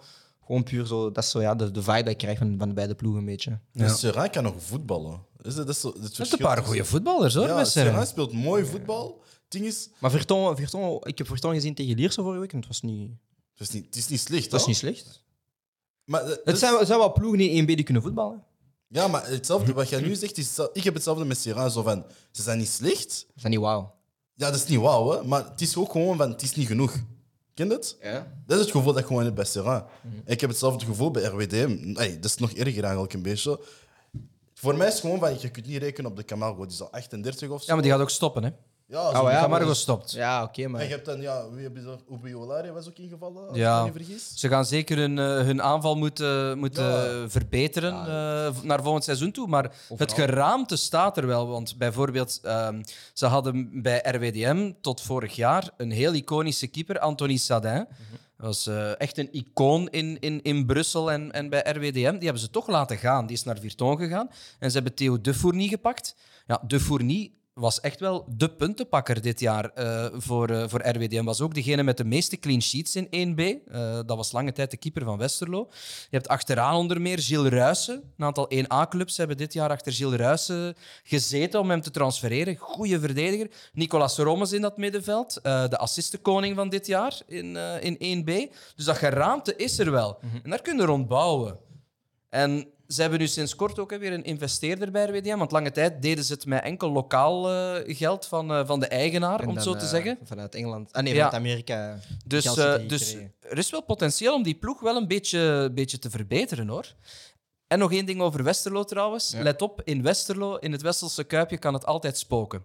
Als dat volledig vol zit, dat stadion, dan Als. kunnen ze ja, ja, maar dat gaat nu in 1A terug zo zijn. Ja, ja. Dan kan die ploeg altijd iets meer. Zoveel jaar terug, weet ik nog, ik herinner mij dat enorm, dat Anderlecht met een topploeg, met Daniel Zitka en weet ik wat in de goal, mm -hmm. daar met 6-0 ging verliezen onder meer. Hè. Oh, maar dat was zo met uh, Jaja Coelho? Denk het. Ja, dat was zo diep. Ah, echt, het kan daar... ja, het kan daar echt spoken in het Westelse Kuipje, dus ik zou toch maar opletten. Ja, ik nee, pas op, historisch, Westerlo, dat is zowel de ploeg dat zo drie, vier goede spelers uit, uit, ik weet niet waar haalt. Brazilië, whatever dan ook. -huh. Speel een jaartje of twee. Zat er zo'n kale Braziliaan, denk ik, hè, in de spits. En wat Coelho was Coelho, Jaja Coelho. Ah, Jaja Coelho. Ik ken nog een paar guys. maar uh, Gonfoula heeft daar ooit gezeten. Ja, ja, die, die, die heeft één seizoen goed gespeeld. Dat was bij Westerlo. Hij doet expres, Matthias. Hè, want hij weet dat ik dat niet weet. Hij doet expres. Silver Gonfoula, nog, daarna nog bij Anderlecht hey, gezeten. Niet overdrijven, oh, vriend. Hey, oh, oh. hey, hey. Sorry, hè. Kalm, hè, maat. bon, um, PSG is kampioen. Uh, dat verbaast niemand. Skip, skip, skip. Echt? Skip, skip, skip, nee, dat verbaast niemand. Maar, maar de race voor het Champions League tickets zou wel een beetje... Ah, ah ja, dat is wel spannend. Ah, ja, niet Monaco, hè? De derde plaats, ja. Uh, PSG heeft dus kampioen gespeeld met uh, heeft nu na 34 wedstrijden 78 punten. Marseille staat op plaats 2 met eh, 65 punten. Op plaats 3 staat Stade Rennes met 59 punten. En dan wordt het spannend. Monaco staat op de vierde plaats met 59 punten. Nice op de vijfde plaats met 57 punten. Strasbourg staat op de zesde plaats met 56 punten. En als we dan Lens erbij eh, rekenen, hebben zij ook 54 punten. Dus een kleine speling van 5 punten ehm, in nog vier wedstrijden te gaan. Dus het kan nog steeds eh, nog allemaal spannend in, in Frankrijk. Ik was er bijna zeggen Spanje. Ehm, dus iets, we zullen daar ook de komende weken... Ja, maar als je ook goed kijkt, ik heb, ben even aan het checken van plaats 3 tot plaats 10 zijn er maar 9 punten. Hè? Ja, dat is, dat is is heel, echt eh, is heel, heel dichtbij. Heel dichtbij, heel dichtbij. En je hebt nog steeds ploegen als Lyon en Lille, die een zwak seizoen draaien, maar ja, toch wel aanspraak nog willen maken voor die Europese ticket. Als die nu 12 op 12 halen, hebben die waarschijnlijk nog een max vijfde plaats. Dus, Alleen als Marseille kampioen, eh, de, de Conference League wint, schuift hij dan nog één ticket door, denk ik, naar, Dat zou kunnen. naar de Conference League. Ja. Dat heb je ook hetzelfde een beetje met Engeland en zo. Daarom dat ook de Ja. Engelse ploegen nog een beetje wel hopen dat beide Liverpool City naar de finale gaan, dat één ticket doorschuift. Ja. En dat je dan daar wel een, een ja, extra Champions Een League. vijfde, ja, een vijfde Champions League ticket en dan schuift één Europa League ticket door en dan zo. En Leicester kan ook nog Conference League Conference League winnen. Dus ja, Ja, ja. Het, het kan heel gek worden. Ik denk dat we ook dit jaar hebben gezien, eh, met dat we West Ham in de Europa League hadden. We hadden een Leicester in de ja. Conference League. Dus ja, West Ham kan ook nog de Ja, ja. Ah, het, het gaat gek worden. Mhm. De verdelingen gaan gek worden. Ik weet Ja. niet hoe ze het, het, het blijven toven, maar het gaat gek worden. Ehm, dan gaan we eh, eventjes een sprong maken naar de hoofdwedstrijden van vandaag. Dat was de Belgium Playoffs. De eerste playoffs van eh, dit jaar. Mhm. Eh, Club Brugge tegen Antwerpen en Union Anderlicht. Ik wil eerst eh overschakelen naar Club Antwerpen, want zij hadden als eerste gespeeld vandaag. Een kleine focus op wat er is gebeurd naast het veld en dan zullen we naar op het veld Ja. gaan. Ehm, de supporters van Antwerpen die in het vak of in de familietribune van de Club Brugge raken. Dus ja, Club Brugge, ik weet niet wat jullie doen met jullie familietribune naast de uitsupporter te zitten. Ja, ik bedoel, in mijn logica klopt dat niet, maar bon, jullie doen wat jullie willen doen. Eh, veel ploegen laten zo normaal die tribune zo open om- Mhm. om, dat soort dingen te vermijden. Maar het is toch gebeurd. Ik weet niet, eh, fix dat gewoon. Ehm, Ja, maar mag ik daar één ding op zeggen? Zeker. Moeten wij het nu echt normaal vinden dat wij vol alles met drang hacken en wie weet zelfs, allee, in uw geval, als ik u hoor praten, met prikkeldraad moeten zetten, om het zo te zeggen, dat, dat de supportersklans niet kunnen mengen, zich mengen met elkaar? Ik vind dat belachelijk. Hebben wij, zitten wij nu echt, eh, zijn wij nu zo ver gevorderd als maatschappij dat wij niet meer geciviliseerd met Nee, elkaar ik- kunnen omgaan? Ik snap het ook niet, maar uiteindelijk, bedoel, als je dit jaar kijkt naar de aantal incidenten dat is gebeurd in de Pro League, ja, dan is dat, Ja, dan maar dat moet is- je als club... Maar dat is in de Pro League. Ga eens naar een wedstrijd in Duitsland. Ja, hetzelfde Daar ook, heb je ja. heel vaak dat de supporterskernen door elkaar Maar zitten. ik heb- Maar je die hebt- kunnen zich gedragen. Maar je hebt ook vaak, Ah, ja, maar- maar je hebt dat ook vaak op toernooien. Ik, ik begrijp niet dat je zo agressief wordt omdat iemand naast je juicht. Ik bedoel, hij heeft me vorige week opgepakt toen- dat Arsenal had gescoord. Ik bedoel, dat is, dat is, dat is gewoon live, snap je? Ik Ja. bedoel, ik ga daar niet boos over worden. Ja, misschien van binnen, maar ik ga niet agressief worden of iemand uitschelden puur omdat hij voor een andere ploeg supportert. Dat hebben we ook dit jaar gezien met de beelden in Mexico. Dat, ja, Mhm. dat het een hele afslachting is geworden, gewoon puur omdat ja, twee ploegen, ja, omdat het twee, rivaliserende ploegen zijn. Dat begrijp ik niet. Maar ja, als club moet je daar dan wel ehm, Ja, maatregelen voor nemen. Ja, en er is, en er is trouwens, sorry dat ik je onderbreek. Er is trouwens een verschil, vind ik, tussen bijvoorbeeld naar een supporter stappen en wat liggen roepen en tieren naar elkaar. Dat kan ik nu nog ergens inbeelden. Maar als we dan die beelden zagen van eh Antwerp, eh, Club Brugge Antwerp, dan zie je daar iemand echt zijn een broeksriem nemen Ja. en zitten slaan naar mensen. hè. Een broeksriem. We zullen, we zullen zeggen, En dat, we zullen zeggen dat hij Congolees is. Ja, echt. Zo Ik bedoel, ah, nou, ik begrijp het ook niet. Maar, ik bedoel... Uiteindelijk, eh, bepaalde ploegen hebben een aantal eh, zeg je dat, reputaties die ze moeten... Ja, ik, denk, ik geloof niet in die reputaties, maar zij geloven er wel in. Dus zij vinden van, ah, als Antwerpen zijn, dan moeten we nu... Ah, ja, niet alle Antwerpen zijn, hè, want anders zijn we... Nee, nee, we mogen zeker niet stereotyperen, maar men moet gewoon echt op een of andere manier dringend eh, een methode vinden dat je mensen kan zwaar straffen. Echt zwaar straffen. Ja, maar eh, dat willen ze dit jaar doen met Brugge, hè, met QR-codes. QR-codes. Gaat- dat gaat niet werken, hè. Ik zeg het nu al, dat gaat niet werken, hè. Maar het is mooi geprobeerd, maar dat gaat niet werken. Ah, oh. Dat gaat niks helpen, die QR-codes. Maar dat is schattig. Ik vind het echt schattig. Maar is, dan ook bij, is het ook bij Cer- Cercle dan? Want ja. Ja, Of, is het, waarschijnlijk, of werkt die app alleen maar bij Brugge? Eh, wel. Dat is schattig. Ik vind het echt schattig. Maar je hebt bijvoorbeeld een systeem in, in heel veel, ik zeg maar wat, publieke zwembaden, dat Ja. je je paspoort moet geven. Ja. En, en dat wordt dan gescand, je paspoort. En als je op de zwarte lijst staat, kom je er niet in. Is er geen enkele mogelijkheid dat dat Die ene is dat bij voetbalclubs kan? die, die, die band, als ik, waar ik van goed van weet, is van. ehm, dus jij hebt een bepaalde band, maar jij kunt wel tickets kopen voor mij en die kan steeds met u meegaan. Ja, dat is waar. Je kunt gewoon die zelf aankopen. Dus ja. Ja. ik begrijp het niet, maar uiteindelijk al die bands, QR-codes, eh, ik weet niet wat je wilt verseren, gaat allemaal niet helpen. In mijn opinie. Maar om het toch te hebben over de wedstrijd. Eh Club Brugge trad aan met een 3-5-2, Antwerpen met een 5-3-2. Dat was de eerste wedstrijd van Haroun in de basis voor Antwerpen sinds tegen KV Mechelen. Ehm, ik ga iets zeggen dat niet controversieel is, maar ik heb het gevoel dat Brian Priske, waarom is hij dus mijn MVP? Hij, heeft gekozen om de opstelling van Brugge te gaan counteren met een 5-3-2, want hij heeft dat dit jaar niet zo vaak gedaan of niet gedaan. Ehm, ik heb het gevoel dat Antwerpen de moeilijkste wedstrijd gaat worden voor alle ploegen in, in play-off 1.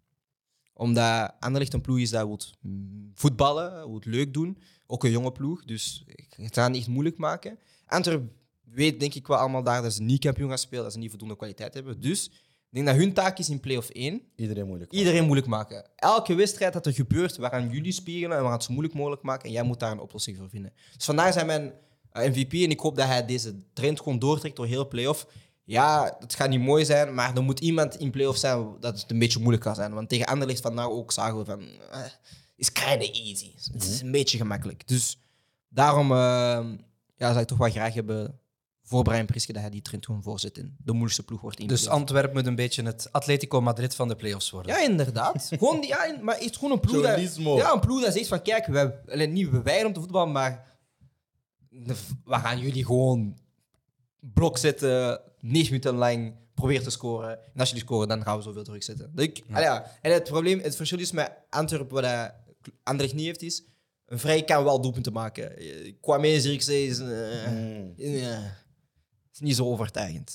Ik, ik snapte ergens wel het punt van Priske met die, die, die basisopstelling om het dan fysi- fysiek eh, Brugge heel moeilijk te maken in de wedstrijd en dan naar het einde toe je ballers, zal ik maar zeggen, zoals een Benson te gaan inbrengen. Mhm. Maar dat is ook de realiteit. Het is in zulke wedstrijden vaak heel moeilijk als je dan nog een kwartiertje of twintig minuten moet gaan spelen, Om die- om, dan in, om dat in, nog in dat ritme te komen van die wedstrijd. Ik vind niet dat Benson bijvoorbeeld een bepalende rol nog heeft kunnen spelen, eh, ook al stonden ze 1-0 achter. Ah, wel, dus wat je daarin zegt is van ik ga akkoord. Dus ik vind het leuk, die 5-3-2, maar ik vind dat een Benson wel moet starten over een Balikwisha. Ja. Dat Be- Benson net iets meer brengt dan Balikwisha aanvallend. Ja. Ik vind Balikwisha voor alle wedstrijden die ik heb gezien, heeft hij voor mij geen enkele keer bevestigd. Terwijl dat Benson wel... Vandaag, eh, vandaag ook moeilijk. hè? Vandaag ook moeilijk, terwijl dat Benson wel die flits heeft. En bij Balikwisha is het, het ding van, is hij goed op de flank of centraal? Dat, dat weet ik nog steeds niet. En het, het is al een, een jaar bezig. Ja, een seizoen bezig, dus daar twijfel ik een beetje over. Ik had wel een beetje mijn twijfels over de, de, de opstelling van. eh allee, over het spel eigenlijk van Antwerpen. Want ik vond dat Haroun eigenlijk veel te veel aan het doen was. En eigenlijk ook. Dat de Zonder of met bal? Zonder bal. Oké. Zonder bal. Ja. Ja, positionering was goed, hè? Ja. Maar het ding is, van na een tijdje wordt dat veel te veel, omdat hij eigenlijk de taak van, van drie mensen aan het doen was. Zowel bijvoorbeeld, hè, de drie mensen was hij eigenlijk degene die bijvoorbeeld in de plaats kwam, stel dat iemand eh wegging. Wegging, ja. Maar daarna moest hij ook eigenlijk, zoals eh, ik heel vaak tegen de meisjes zeg, plakband. Dus hij was de hele tijd achter Van Aken. Van Aken echt aan het plakken. En daarnaast moest hij nog meer gaan infiltreren van Ja. voor. Na een tijdje. Ja, dat is Maar-. Dat, dat gaat niet. Maar het ding is, toen wij onze, als, wanneer dat wij onze koelkastploeg gaan, eh, gaan eh, opstarten, eh, willen we ook Faris Agoen halen, omdat hij, hij kan het wel. Hij, Ja. heeft- hij heeft wel die motor. Die motor is er. En, en ook van alle spelers, hè, want zo- zoals je zei, ja, we- Antwerpen heeft het Brugge fysisch moeilijk gemaakt. Eh, dat heb je ook gezien met het aantal krampen dat Club Brugge heeft gehad. Oké, het kan ook door de zon zijn, maar dat was wel opvallend heel veel. Ja. Mhm. Dus een Haroon die ook lang niet heeft gestart, heeft het wel een heel lange, heel lange tijd in de wedstrijd wel kunnen aanhouden. Dus Zeker. ik denk dat hij wel fysiek gewoon dat aan kan. En daarom, want het is ook daarom is hij in die, in die basis start. En een van die drie taken die jij, die jij nu hebt gezegd, is ook echt wel gelukt, want Van Aken heeft zijn stempel niet op de match Van kunnen Aken haken. Van Aken was, gedaan, eh, was- hij, hij was er niet. hij was een ghost. Ja, hij was er niet. Maar hij gaf het ook zelf, na, ook, ook zelf wel toe Maar aan de ik wedstrijd. vond de zwakste van Antwerpen, dat is voor mij een hele bataille. Op de rechtsback. Ja, hij heeft... Maar ik zeg dat al weken dat hij echt niet goed bezig Ah nee, is. broer. Richie de Laat was erger, man. Ja, voor, maar- voor die kwartier dat hij heeft gespeeld, bro. Richie de Laat was echt erg, Hij man. komt van ver, hij heeft lang niet gespeeld. Nee, bro. Hij heeft lang niet gespeeld. Nee, hij broer. lang niet gespeeld. Broer, zoals Alex in de groepje had gerecht op voorzet, je staat alleen. Niemand komt druk op jou zitten en je trekt die bal in de tribune, bro. Hey, dat maakt niet uit, man. Sorry.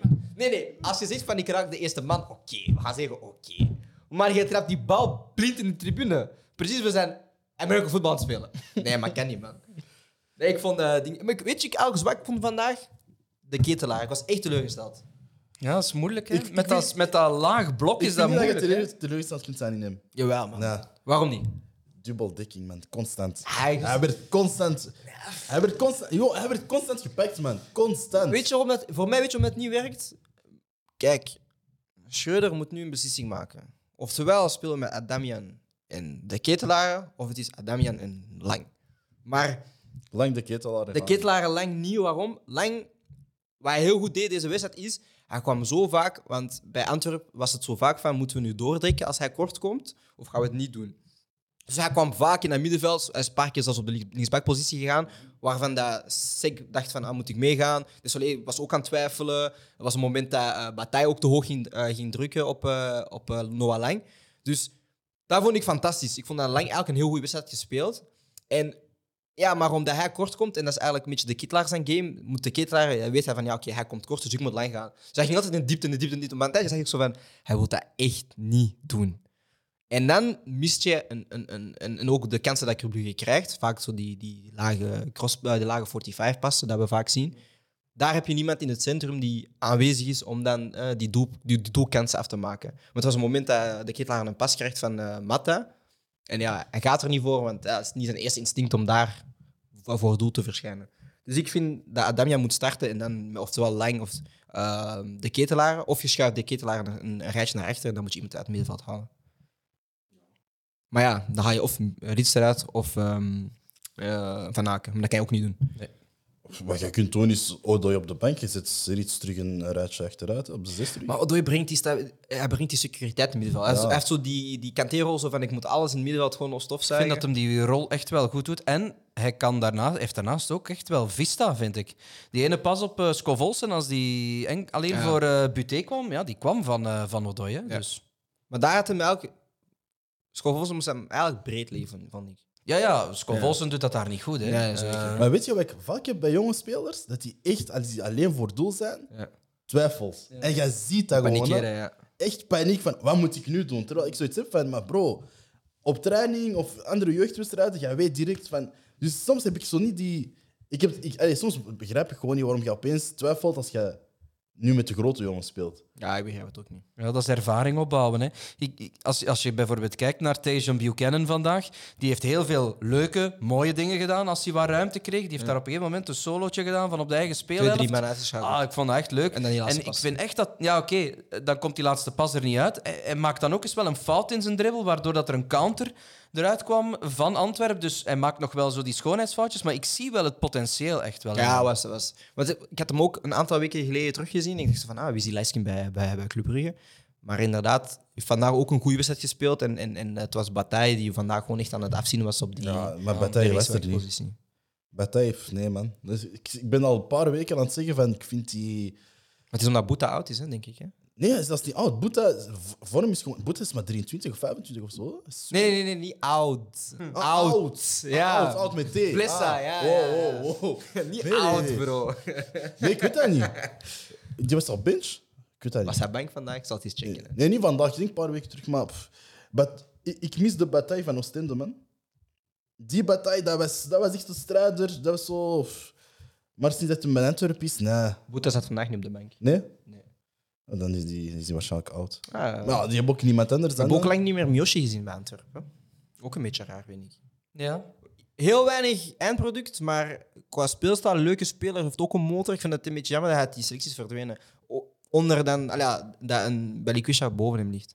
Misschien een laatste vraag over de wedstrijd. Ja, meneer. Wat vond je van Nangolan op de 10? Ik ben echt geen fan van Nangolan in middenveld, man. Niet op de 10, ik ben echt geen fan, man. En, en Dings is een leugenaar. Wie, wie deed het interview tijdens de halftime? Was dat Bataille ook? Ik denk dat... Uh, dat was Bataille. Dat was, was Bataille. Hij is een leugenaar. Ja, dat werkt goed op de 10 en zo. Dat was een... Nee, man. Het werkt niet, bro. Die omschakelingen waren zo traag. Precies veteranen die aan het voetballen waren. Wow, Als je daar een Yoshi zit op het middenveld, iemand die gewoon een beetje loopt, is dat echt een sterk, echt een sterk dynamisch middenveld en heeft Brugge het nog moeilijker. Maar hij is gewoon te traag in, in druk zetten en zo. Ik heb gezegd, Nangolan moet gewoon zes staan en moet twee werkers naast hem hebben, maar niet voor hem, allee, dat hij de, Mhm. de tussenschakel is. Hij is daar niet snel genoeg voor. Er is niet snel genoeg voor. En, en hij lijkt dat ik een haat hebben op, op dat is een prachtvoetballer, hè, maar nu is het gewoon op. eh, op pak gewoon je inner Pirlo en ga Ja. een rijtje naar achter en dan... Sowieso was het een ondankbare wedstrijd ook voor iemand als Nainggolan. Want je wist gewoon wat het plan ging zijn van, van, eh, van Antwerpen. hè. Gewoon alles blokkeren naar Club Brugge toe. Eh, dus om dan je stempel op die wedstrijd te kunnen drukken, is niet zo makkelijk hoor, denk ik. Nee, inderdaad, maar ik vind, het, ja, ik vind dat ze te veel vasthouden aan ah, dat is onze, onze grote transfer geweest, dus hij moet altijd spelen. Ja. Uiteindelijk is het play-offs. Oké, nu ga je geen kampioen spelen, maar probeer dan toch iets neer te leggen voor volgend jaar toe. Mhm. Na volgend jaar toe. Ja. Ehm, en ik vond ook gewoon inderdaad over Van Aken te weinig infiltraties, maar daar heeft dan eh Faris Haroun zijn, zijn wedstrijd in gespeeld. En hij had dan ook zelf nog een kans om de wedstrijd een beetje in een bepaalde plooi te leggen. Maar de playoffs, dat geeft een andere vibe, man. Die eerste, ik heb genoten van de eerste helft. De tweede helft was vooral Brugge die gewoon tempo ineens gewoon aan het breken was. Maar de eerste helft, dat was echt... pff. De intensiteit was er. Je voelde echt van, oké, kijk. Zeker. Vandaag zijn we business. We moeten... Allee, bij de ploeg had zoiets van, de punten moeten naar ons komen. Ja. Dat voelde ik echt wel. Was jij te, te- tevreden vandaag over uh, Antwerpen Club? Als eerste playoff wedstrijd? Je ziet toch graag liever iets meer ruimte. Twee ploegen die willen voetballen. En dat was vandaag niet zo. Eh, ik denk dat bijvoorbeeld Club Brugge Anderlecht een heel ander beeld gaat geven, denk ik. Dus Maar zonder Anderlecht. Ik denk dat Anderlecht, Anderlecht wil meer Anderlecht, is- voetballen. Anderlecht is de initiator en dat andere ploegen gaan meegaan. Ja. Terwijl de andere ploeg is het van, ook ja, zeker Union en, en Brugge, ja, zij rekenen gewoon van, we moeten gewoon vandaag winnen, maakt niet uit hoe. Ja. En ja, Anderlecht is de eens dat voetballen en Antwerpen is ja, de ploeg dan in mijn hoofd dat gewoon ja, een beetje alles moet gaan afbreken. Maar dan gaan we verder naar eh, Union Anderlecht. Eh Anderlecht heeft vandaag verloren met 2-0. En er ligt 3-1. 3-1, ja, 3-1, wauw. Ehm 3-1 verloren. Ehm Company startte met een pivot van Cana en Cullen. Wat vinden wij daarvan? Moest hij niet doen. Waarom? Ik snap, ik snap de redenering. Omdat je dan eigenlijk een beetje twee, twee middenvelders hebt die eigenlijk toch wel wat verdedigend eh, werk kunnen doen. En dat kunnen tegenhouden. Dat heb je altijd wel een overtal van achter.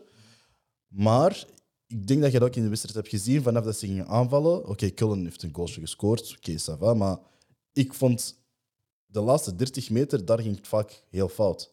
Snap je? Verscharen Picobello. Maar vanaf dat hij terug centraal ging, was het zo van: oké, ja, wie van ons twee moet naar voren, wie van ons twee moet er infiltreren.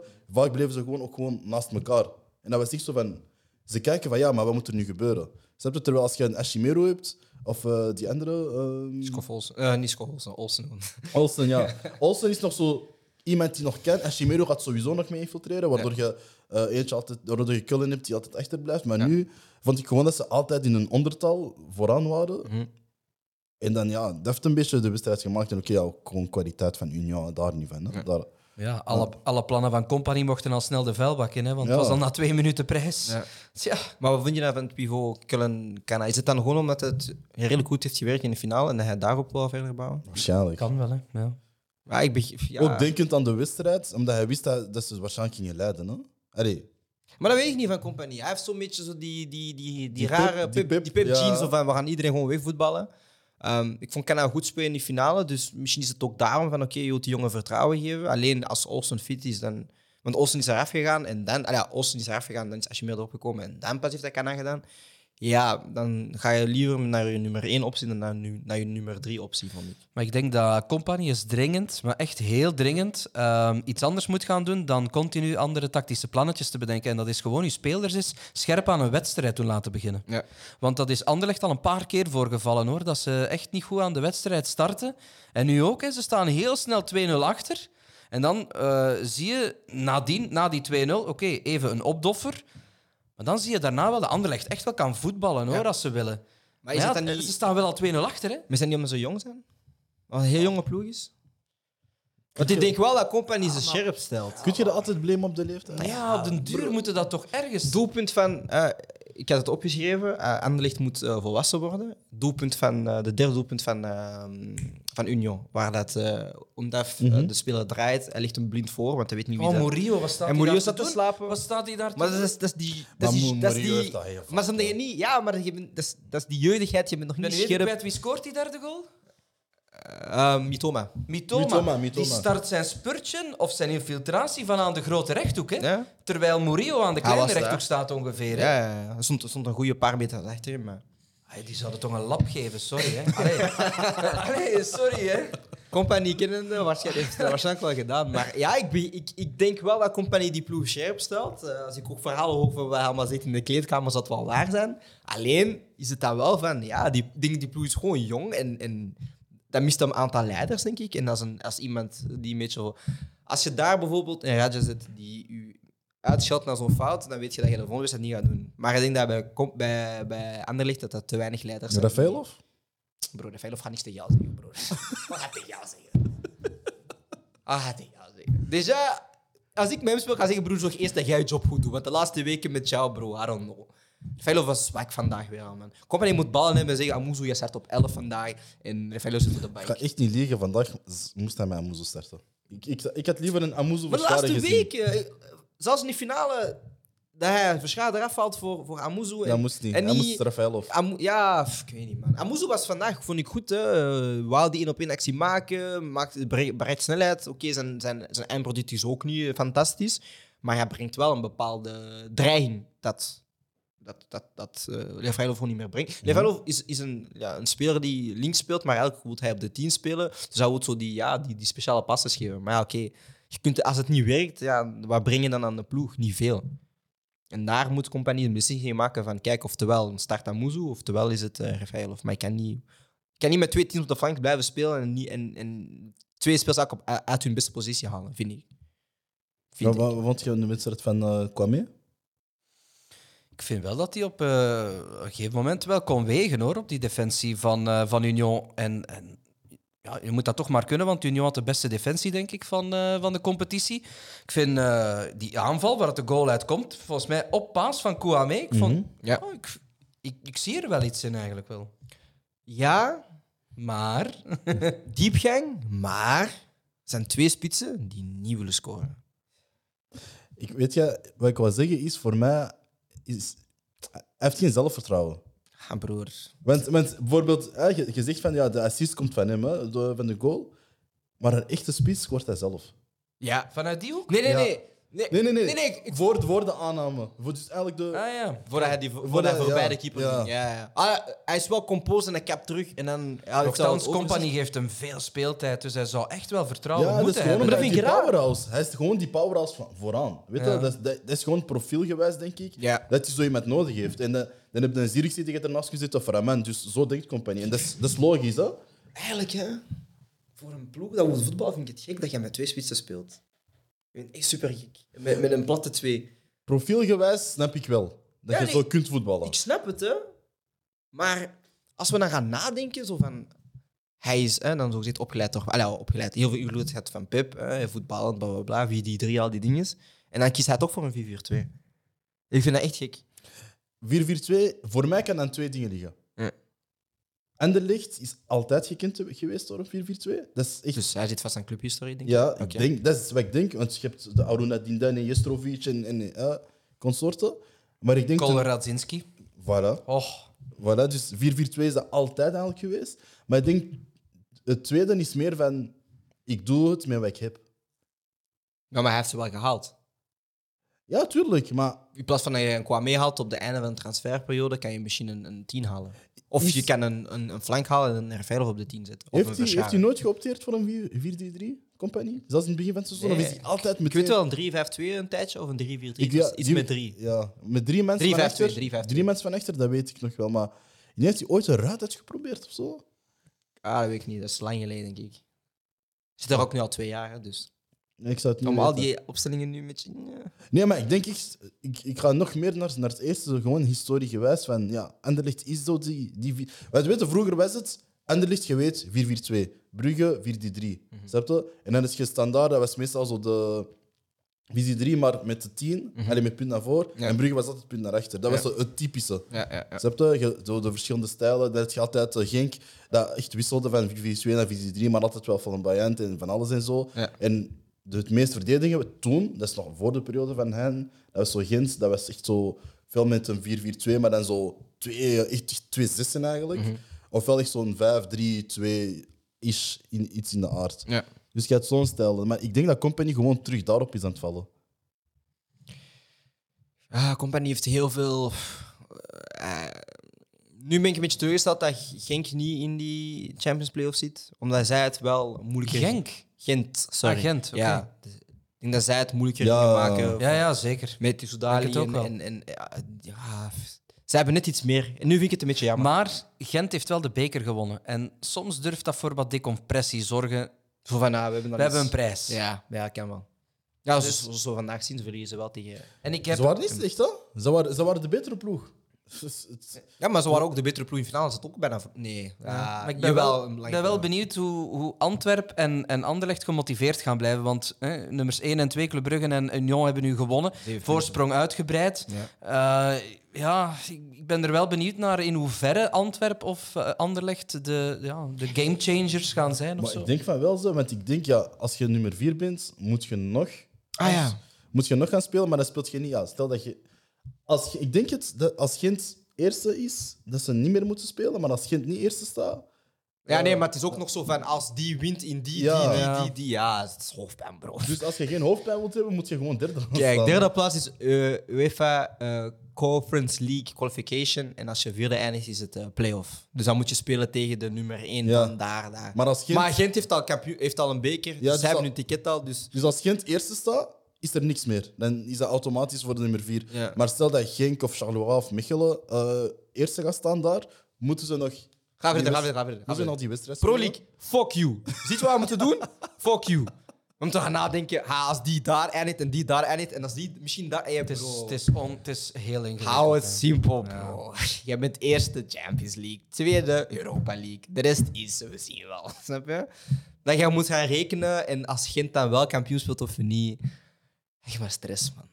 Echt maar iets stress. Maar eh, om de playoffs Champions groep een beetje af te ronden. Yes. Eh, Union staat op plaats 1 met 42 punten. Club Brugge staat op plaats 2 met 39 punten. Antwerpen en Anderlecht staan op plaats 3 en 4. Anderlecht op 3, An- Antwerpen op 4 met 32 punten. Ehm, waarvan het dus de kloof tussen Anderlecht en Antwerpen eh, naar Club Brugge toe eh, bedraagt met 7 punten. En Union staat 3 punten voor Club Brugge.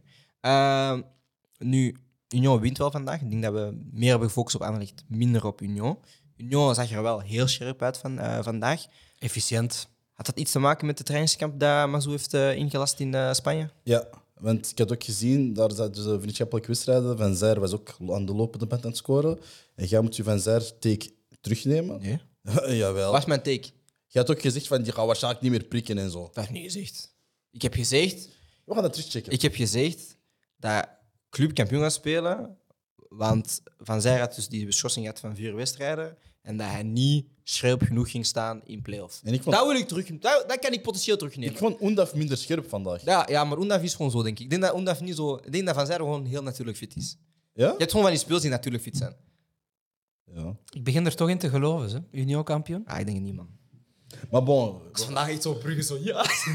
ik, wa- ik- ja, je, je zit op een gegeven moment te denken: oké, het bobijntje moet wel eens opgeraken. Maar dat blijft doorgaan. Maar ze blijven, hè? Dat is zoals met... Ja, dat, dat had ik met Leicester een paar jaar geleden. Zo van. mm, Nu gaan ze eens verliezen. En dan gebeurt het niet. En- nu gaan ze verliezen. En wat dat Mazu, allee, wat dat compagnie niet heeft, heeft Mazu wel. hè. Die kan die ploeg echt op Scherp. scherp houden en krijgen. En, ja. Ook leuke beelden aan de wedstrijd. Hè, waar hij zegt van, eh, ja, jullie krijgen nu twee wedstrijden, ah, twee dagen vrij. En dat de ploeg zo heel hyped is. Zo. Dat is wel iets moois, vind ik wel. Dat hij echt wel... Ja, het is een leuke groep eh, daar. Maar Siebe van der Heijden starten vandaag wel niet. Is dat een... eh, ah, pas, pas op. Mezzo heeft ook wel zo dat ding dat hij soms ineens 1, 2, 3 spelers ja, even... hij durft ook eens Kandus Ja. eh, te laten starten. Dus op zich zou ik niet veel daarachter zoeken. Nee? Nee. Oké. Ehm, nu, zij lassen die trainingskamp in, waren heel scherp begonnen aan de wedstrijd. Na het einde van de wedstrijd toe zag je wel dat ze redelijk vermoeid waren. Kan dat ook wel hun parten spelen dan in de komende weken? Omdat zij dan wel die extra harde trainingsweken hebben gehad. Wat de andere ploegen ook hebben gehad, maar dan wel weer in het buitenland gedaan. Voor Union dan? Ja. je? Ik denk van niet. Ik denk dat... Ja, maar zo de guy... Hij had ook bij Charleroi... Hij, hij geeft heel veel beloningen. Hij zegt zoveel van... Oké, we hebben kaarten... Echt, ik denk dat het jaar was dat je nog zes eh, teams had in de playoffs. Ja. En Charleroi, eh, Charleroi mocht meedoen. Ze hadden eigenlijk een trainingscap en zo. En ja, het is van alles gebeurd. En dan, toen het begon, Charlotte had bijna alles verloren. Maar ze kregen altijd wel een dag of twee vrij, puur van, oké, we hebben het gehaald. En ik denk dat zo de trainer is van, ik ga nog steeds wat beloningen geven. Zoals nu, geeft hij twee dagen vrij. Waardoor dat een hele decompressie eigenlijk is voor de hele ploeg. Dat ze ook weten van, oké, ja, we gaan niet ook hier gaan overdrijven, snacks gaan eten of zo. Maar de ploeg is nog wel steeds heel scherp. Snap je? Ze weten van, oké, terug training, we gaan er helemaal voor. Eh, ik denk qua schema is dat ook wel gunstig voor Union. Denk ik ook. Want ja, de volgende match is tegen eerst Antwerpen. Dan ik denk Dan twee keer tegen dan Brugge. twee keer Brugge. ik denk dat dat, Dat is cruciaal hoor. Ii, dat kan Maar de, de eerste wedstrijd tegen Brugge spelen ze thuis. Ja. Ik vind dat juist ideaal. Ja. Want je Maar dat staat ook zo heel dat als ze kampioen spelen, dat Union een kampioen speelt thuis. Ja, ja, dat voilà. ook met Brugge. Ja. Dat die zo'n beetje geprogrammeerd staan. Ja. Ja, nee, ik vind hoe, hoe dat alles eigenlijk geschikt is, is het meer naar Union toegegaan. Allee, toegericht. Dus ja, allee, om, om uw vraag te beantwoorden, ik denk niet dat dat, dat dat echt iets gaat zijn. Ik denk zelfs dat Club Brugge iets vermoeider gaat zijn. Omdat Club Brugge echt wel moet gaan doorpushen, moet van alles doen. ja, maar En die hebben meer wedstrijden dit jaar gehad. Hè? Ja, Dat maar moet je niet vergeten. als je moet gaan rekenen, maar ze ook wel een grotere selectie, maar ze moet gaan rekenen, ja, die twee wedstrijden dan, dat worden gespeeld tegen Union Brugge, dat is dan de wedstrijden dan, waarvan dat Brugge weet van, oké, we kunnen het hier wel doen. Ja. Als de andere ploegen toch niks van punten kunnen pakken. Het enige, het enige wat je zou kunnen bedenken nog voor, voor Union is, ja, het, het komt stapje per stapje dichterbij. Ja. Dus op de momenten dat tegen Brugge gaat zijn, dat ze misschien toch gaan choken. Die choke Jean, zoals Zak Ja. dat op. Dat is het enige, denk ik, waar je nog allez, als Union zijnde voor kan vrezen. Dat het moment van de waarheid er eh, komt en dat je gaat beginnen choken. En zo ik zie, dat is zo, echt, hè, Union en Club Brugge 8, 8 mei. Maar de, de wedstrijd erop is op 11 mei. Zeg, zo Ah, drie, drie dagen erop. Super snel, hè? Dus dat is... Snap je? Eigenlijk mentaal is het ook van... Stel dat ze verliezen... mm. Stel dat Union verliest die eerste wedstrijd. Ja, ja. Maar het is op Ja, ja. Union. De eerste wedstrijd is op Union. Ah, dat gaat moeilijk zijn. Hè? Dat gaat moeilijk zijn. Ehm Matthias, jij hebt voor ons een spelletje voorbereid. Aha. De Wie is Wally? De Wie is Valley van Matthias de Vlieger. Oké. Oké, leg eventjes go. uit aan de kijkers wat er gaat gebeuren. Wel, ehm, het is zo dat ik sinds een aantal jaar eh, toch wel ben gestart met het eh, verzamelen van, eh, van voetbalshirts. Ehm, maar met het idee van, ik moet er geweest zijn of iemand uit mijn naaste omgeving moet in de plaats geweest zijn. Of de omgeving. Het is niet dat ik zo echt op websites ga afschuimen van, oh ja, daar wil ik wel een shirtje van, ik ga dat kopen. Ik moet er echt wel geweest zijn of ik moet er een bepaalde anekdote over kunnen vertellen. Want ik heb dus ook een aantal shirts mee waar ik iets van anekdote over kan vertellen. Maar eerst wie is Eerste, Wally? eerste spelletje, ja. Eerste Yes. spelletje. oké. Ja. Ik heb vier shirts mee, Ja. maar we gingen drie vragen stellen. was Ja. toch de opzet. Dus ehm, ik ga die vier shirts misschien openleggen hier of zo. En Ja. dat jullie kunnen kiezen. Maar dat ik dan wel vooraf zeg van... Deze is moeilijk, of dit is makkelijk, of dit is doenbaar. Hè? Doe Doen? het. Pak het. Oké, ik ga eh, even gaan grabbelen. en dan moet ik zorgen dat jullie de naam, Oh, niet kijken, hè? dat jullie de naam niet Oh, kunnen zien. Dat begint al, hè? Hé, hey, sta op camera. VAR. Team, ik wil een replay zien. Dit is shirt nummer 1. Jullie mogen dat al zien natuurlijk. Het logo mogen we zien. Malaga. Oké. Het ding is, hij is zo'n purist type Ja. guy, snap je? Dus ik weet zo van... Ah, Weet je, dat hij, hij is zo de, de Wesley met Jonathan type. zo. Ken je snap het? je? Maar ja, dit is, eh, dit is eh, Franse ploeg, hè? Nice. Nice. Ja. Oké. Matthias kennende is dat geen had hem benarfa. die lach. Matthias is ook iemand die eh, elke week, als we Wietjes Wally doen, eh, tegen mij zegt op 11: Hoe kun jij dat niet weten? Ah, dat, is, ah, dat is hij, je kon het toch weten aan dat? Oh, we gaan zien. Porto. Porto. En nog, ik heb er nog eentje. Derde shirtje is Porto. Ella, ella, ella. Zit jij ergens een nummer? Vierde is Eredivisie. Nee? KVO, oké. ja. Goed. Ik zal zeggen, Malaga is moeilijk. Ja, Deze gaat leuk zijn. ja, Deze is makkelijk. ja. En ja, deze is Belgisch getint. Dus Gaan we, do- doenbaar. Dat zou doenbaar moeten gaan we zijn. Pro League skippen? Wat je weet. eh. Nee, nee, we doen ook Pro League. Maar laten we beginnen met moeilijk, direct. We gaan er twee doen, hè? Ja, meer, eh, twee of drie? Twee. We gaan, Twee en eentje een- gaan we er niet doen. Ja, ja. Twee en dan een tiebreaker. We zullen zeggen, we beginnen eerst met, met, met Nice en daarna... Oké. Malaga. Oké, Nice. Oké. Nice? Nice. Oké, we beginnen met Nice. Ik ben geboren op 19 juli. Ah, wat- moeten jullie geen buzzer zeggen? Ah, ja. Wauw, kan onze show beter Hey. Mijn buzzer is eh, 3-1. Ah, bent echt een kind, hè. Brian, anders moet je uw buzzer fakka doen. Ah, voor, u zal ik het doen. Vakka. Fakka. Oké, dus ik werd geboren, ben geboren op 19 juli 1991. Vanuit mijn geboorteland werd ik opgemerkt door FC Porto, waar ik een half jaar bij de belofte vertoefde. Bij Porto, bij Porto werd ik niet behouden, maar een andere Euro- eh, Portugese ploeg, Paços Ferreira, haalde me definitief naar Europa. Daar kon ik het spel dirigeren en mijn verzorgde passing tonen. Iets wat ook werd gezien door Nice, waar ik in 2015 belandde. Daar zette ik nog grotere stappen. Maar we zijn nu over Nis bezig, hè? Ja, ja. Ah, oké, oké, oké. Na drie jaar Zuid-Frankrijk waren topclubs als Chelsea en Barcelona in mij geïnteresseerd, maar ik ging vrij opmerkelijk voor 30 miljoen euro naar Fulham. Daar heb ik de hoge prijs niet kunnen... Fakka. Serie. Jij Tokus! zegt- jij- zegt Jean-Michel Serie? Ja. Moet ik mijn vraag verder eh, uitlezen? Nee. Moet ik het tonen? Ja. Is het serie of niet? Ga Ah, oh, oh, nee, nee. Als ik het fout heb, moet hij, moet, moet, hij- moet hij het gokken. Hè, dan. Naar waar moet ik het tonen voor de camera? Ja, dat, dat, dat. Tokus! Bro, ik ben... Bro, bro, bro. Je wilt mij respecteren, man. Je wilt mij respecteren, man. Wat, broer? Huh? Ik vond deze heel leuk, omdat jullie natuurlijk de Afrika Cup gevolgd hebben. Dus mijn vraag ging verder gaan over de Afrika Cup. Mm, ja. Mooi. Maar dus inderdaad, Jean-Michel Serie. Bro, bro hey, rustig. Je hebt maar Dat is een één. mooike. Je Dat is een hebt mooike. Bro, ik ben hard, man. Je hebt Wat, één, je hebt broer? Ik had, schrik, ik had schrik dat jullie die al eens gehad hadden in de is Nee, nee, Nee, nee, nee, nee, nee, nee, nee. Alright, Oké, mooi. de volgende. Uh, Malaga. Dat is de moeilijke, hè? Give it to me. Ja? Die is, Ah, let's go, let's go. Ja. Let's go, let's go. dat is echt moeilijk, hè? Ik zeg het maar. Oké. Oké. Ja, maar hij zit ook elke week. Ik ben geboren op 31 mei 1997 in El Vigia. Al op mijn 17 jaar liet ik mooie dingen zien bij Deportivo La Guaira. De club die mij gevormd heeft. Van hieruit trok ik in 2015 naar Europa. Ik kwam terecht bij Udinese, de club die in handen is van de Italiaanse zakenman Gianpaolo Pozzo. En op dat moment had de Pozzo-familie een heel imperium uitgebouwd in Europa, waarbij de clan ook de Spaanse club Granada en de Engelse club Watford in handen had. Watford nog steeds, Granada niet meer. Hij komt dus in deze driehoek terecht. Eerst als huurling bij Granada, daarna verkast hij voor 10 miljoen naar Watford, maar hij wordt nog een paar keer uitgeleend aan Granada en Udinese. Ik verliet het Pozzo-nest een eerste keer in 2017.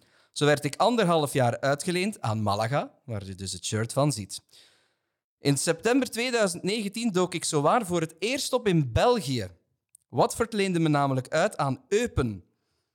Ik aarde echter niet in de Oostkantons. Zo liet ik openlijk verstaan dat ik de trainingen van coach Benjat San José maar niks vond. Na een half jaar en zes matchen vertrok ik dan maar uit Eupen. Vorig jaar vertoefde ik op uitleenbasis bij het Bulgaarse CSKA Sofia en momenteel zit ik in de Spaanse tweede klasse bij Las Palmas, ook op huurbasis. Hoewel ik een spits ben, sta ik niet meteen garant voor goals. Bij Granada kon ik er ooit eens vijf binnenknallen op een seizoen. Het beste wat ik tot nu toe gepresteerd heb. Naast mijn passage bij Eupen zou je mij ook kunnen kennen omwille van een heel bizarre anekdote toen ik nog in Venezuela voetbalde. Zo was ik in april 2015 samen met ploegmaat Charlis Ortiz aanwezig op een feestje. Enkele gewapende boeven kwamen het feestje echter verstoren en schoten op Ortiz en mezelf. Ik kwam er vanaf met een schampschot in de heup. Ortiz werd in de ribben geraakt en had een zware operatie nodig om in, het leven, te, om in leven te blijven. Kijk, kijk, kijk. Kijk, ik ga gewoon gokken. Hij is sowieso Zuid-Amerikaan. Zijn naam is Jesus. Nee. Ik kan u nog als tip de voornaam geven. Ja. Adalberto. Dat weet je ook niet. ook niet, broer. Ik heb u gezegd dat het een heel moeilijke ging zijn. Juan Pedro. Maar ik had hem gepakt omdat hij dus in België eventjes gespeeld heeft. Niemand? Met een gokje? Nee, man. Adalberto Peñaranda. Nee, ik dat nooit Ik weet niet eens wie dat is. Ik weet niet eens wie dat is. Ik kan dat nooit weten. De volgende, Weet je volgende, wie dat volgende. Nee, broer. Nee, broer. broer. Eu- Hij zat hier bij Eupen. Broer, de eerste dat ik wist dat bij Eupen was. Ja, jullie wilden de moeilijke, hè? ik had gedacht dat jullie die gingen skippen. Ja, Oké. nee, maar kijk. we, we love a challenge. Oké, Doe, doe, doe KVO, doe KVO. KVO. Maar ik ga verliezen. Nee, nee, ik ga niet verliezen. KVO. Denk het. Hij moet gewoon die ene... Die gaan, die gaan jullie zeker weten. Ja. Ik ben geboren op 13 oktober 1993 in Mechelen. Ik belandde op jonge leeftijd bij de jeugd van Lierse, waar ik opgemerkt werd door Club Brugge. Ondanks goede prestaties bij de belofte kwam ik echter nooit tot een officieel duel bij Blauw-Zwart. Ik trok dan maar naar Waasland-Beveren, waar Philippe Clément toen coach was. Ook hier deed ik het best aardig. Zo verkaste ik nadien naar KVO en ik belandde daarna bij Racing Genk, waar ik opnieuw bij Philippe Clément kwam. De passage bij Genk leverde echter een, leverde een titel op in 2019, maar liep niet waarop ik gehoopt had, mede door de goede prestaties van een Buana Samatta op mijn positie. Uitleenbeurten naar Antwerpen en Kortrijk volgden en tegenwoordig vertoef ik bij Zulte Waregem, waar ik dit seizoen goed was voor 13 goals in de competitie. 3-1. Haar. Gano. Het was eerst Fakka. Zinho. Gano, Zinho Gano, Zinho Gano, Zinho Gano, Zinho Gano. Zinho, ik was eerst. Doe die VR-check, bro. Maar opletten, want jullie gaan een hele aparte naam zien. Ganoush. En ik ga uitleggen hoe dat komt.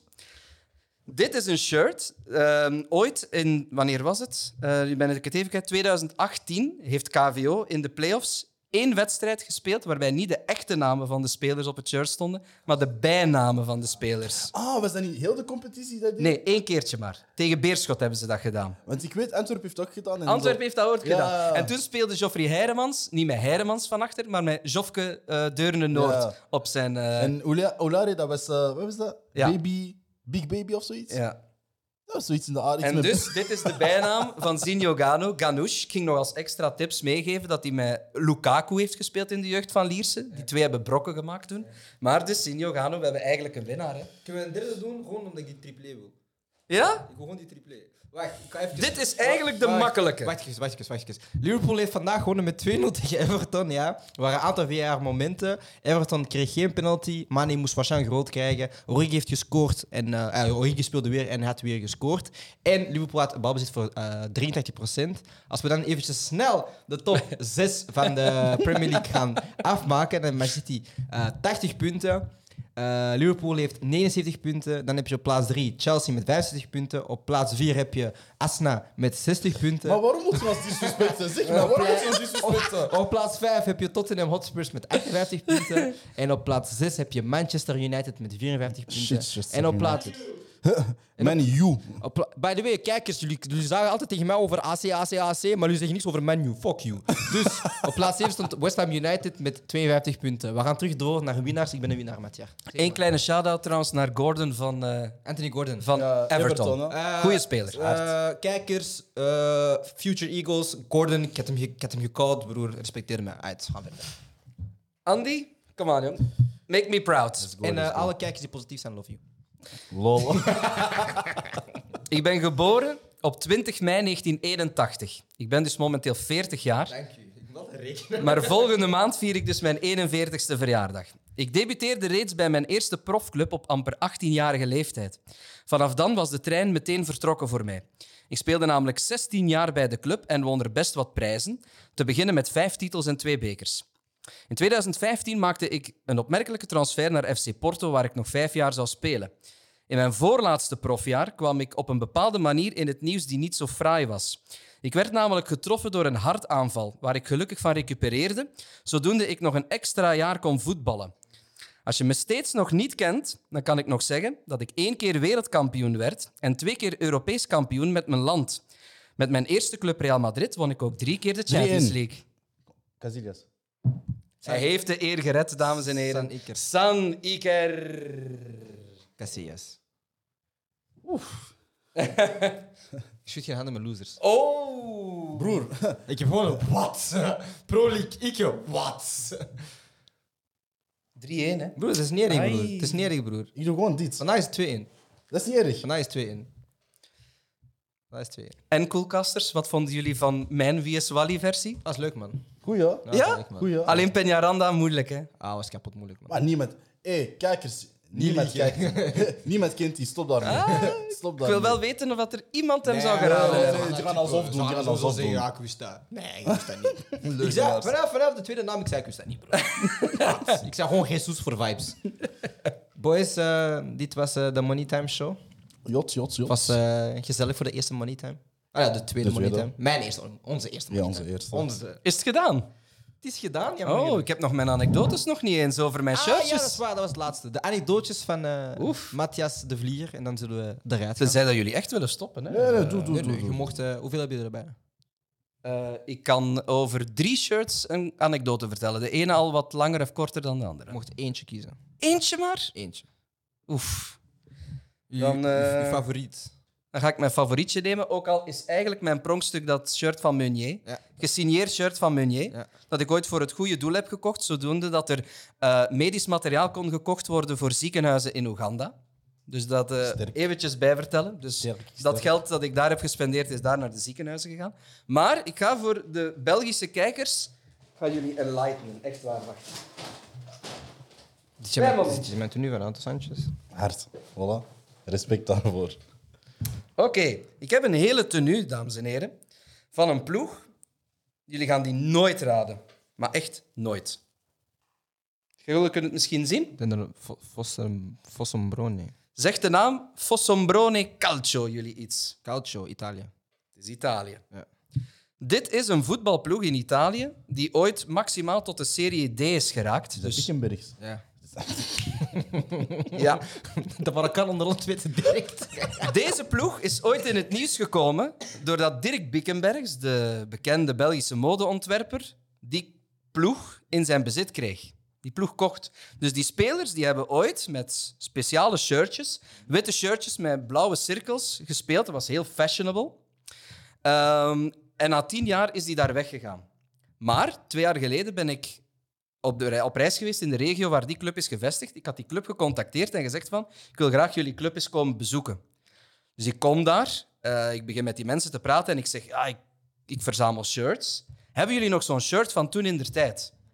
Hebben ze niet meer. Dirk Bickenbergs heeft nagenoeg alles meegenomen toen hij uit die club wegging. Maar ze hadden nog een shirt dat eh, een staflid of een coach droeg. Dit dus. Dat is het enige dat ze mij nog konden geven. Plus een broekje van het nummer 13. Ik heb geen idee wie ermee gespeeld heeft. Dus, maar ik heb wel een volledige outfit en ik heb ook een logo meegekregen van de club van toen Bickenbergs daar coach was. En ik vond dat zo cool dat ik dat heb eh, mogen meenemen, gratis en voor niets van die club Dat zelf. is mooi. Dat is mooi. Voilà. Clubs zijn tegenwoordig gierig met hun uh, tenues eh, weggegeven. Fossombrone Calcio. Onthoud de naam. Matthias. Bickenbergs, man. De laatste keer dat ik heb gedragen, hoe oud was ik? Bro, het feit dat je dat hebt gedragen, bro. Ah, hé, kijk. Nee, nee, nee. Kijk, Maar kijk, jij wil- jij wil- kijk waar ik woon. jij. Ja, Ja. ja, ja. Jij wordt een handel.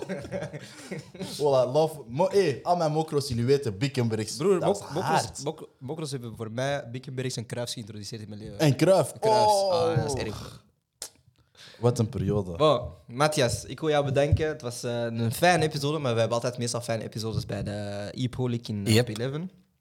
Andy, ik wil jou ook bedanken. Oh, niet omdat jouw ploeg shit is, maar omdat je Andy bent. nee, eh, het was een leuke episode, boys. Dit was Money Time en Coolcast Sport. En ik zie jullie tot zo. Ah, UCL Show is deze week. Gang, gang, we zijn back. Toch eens?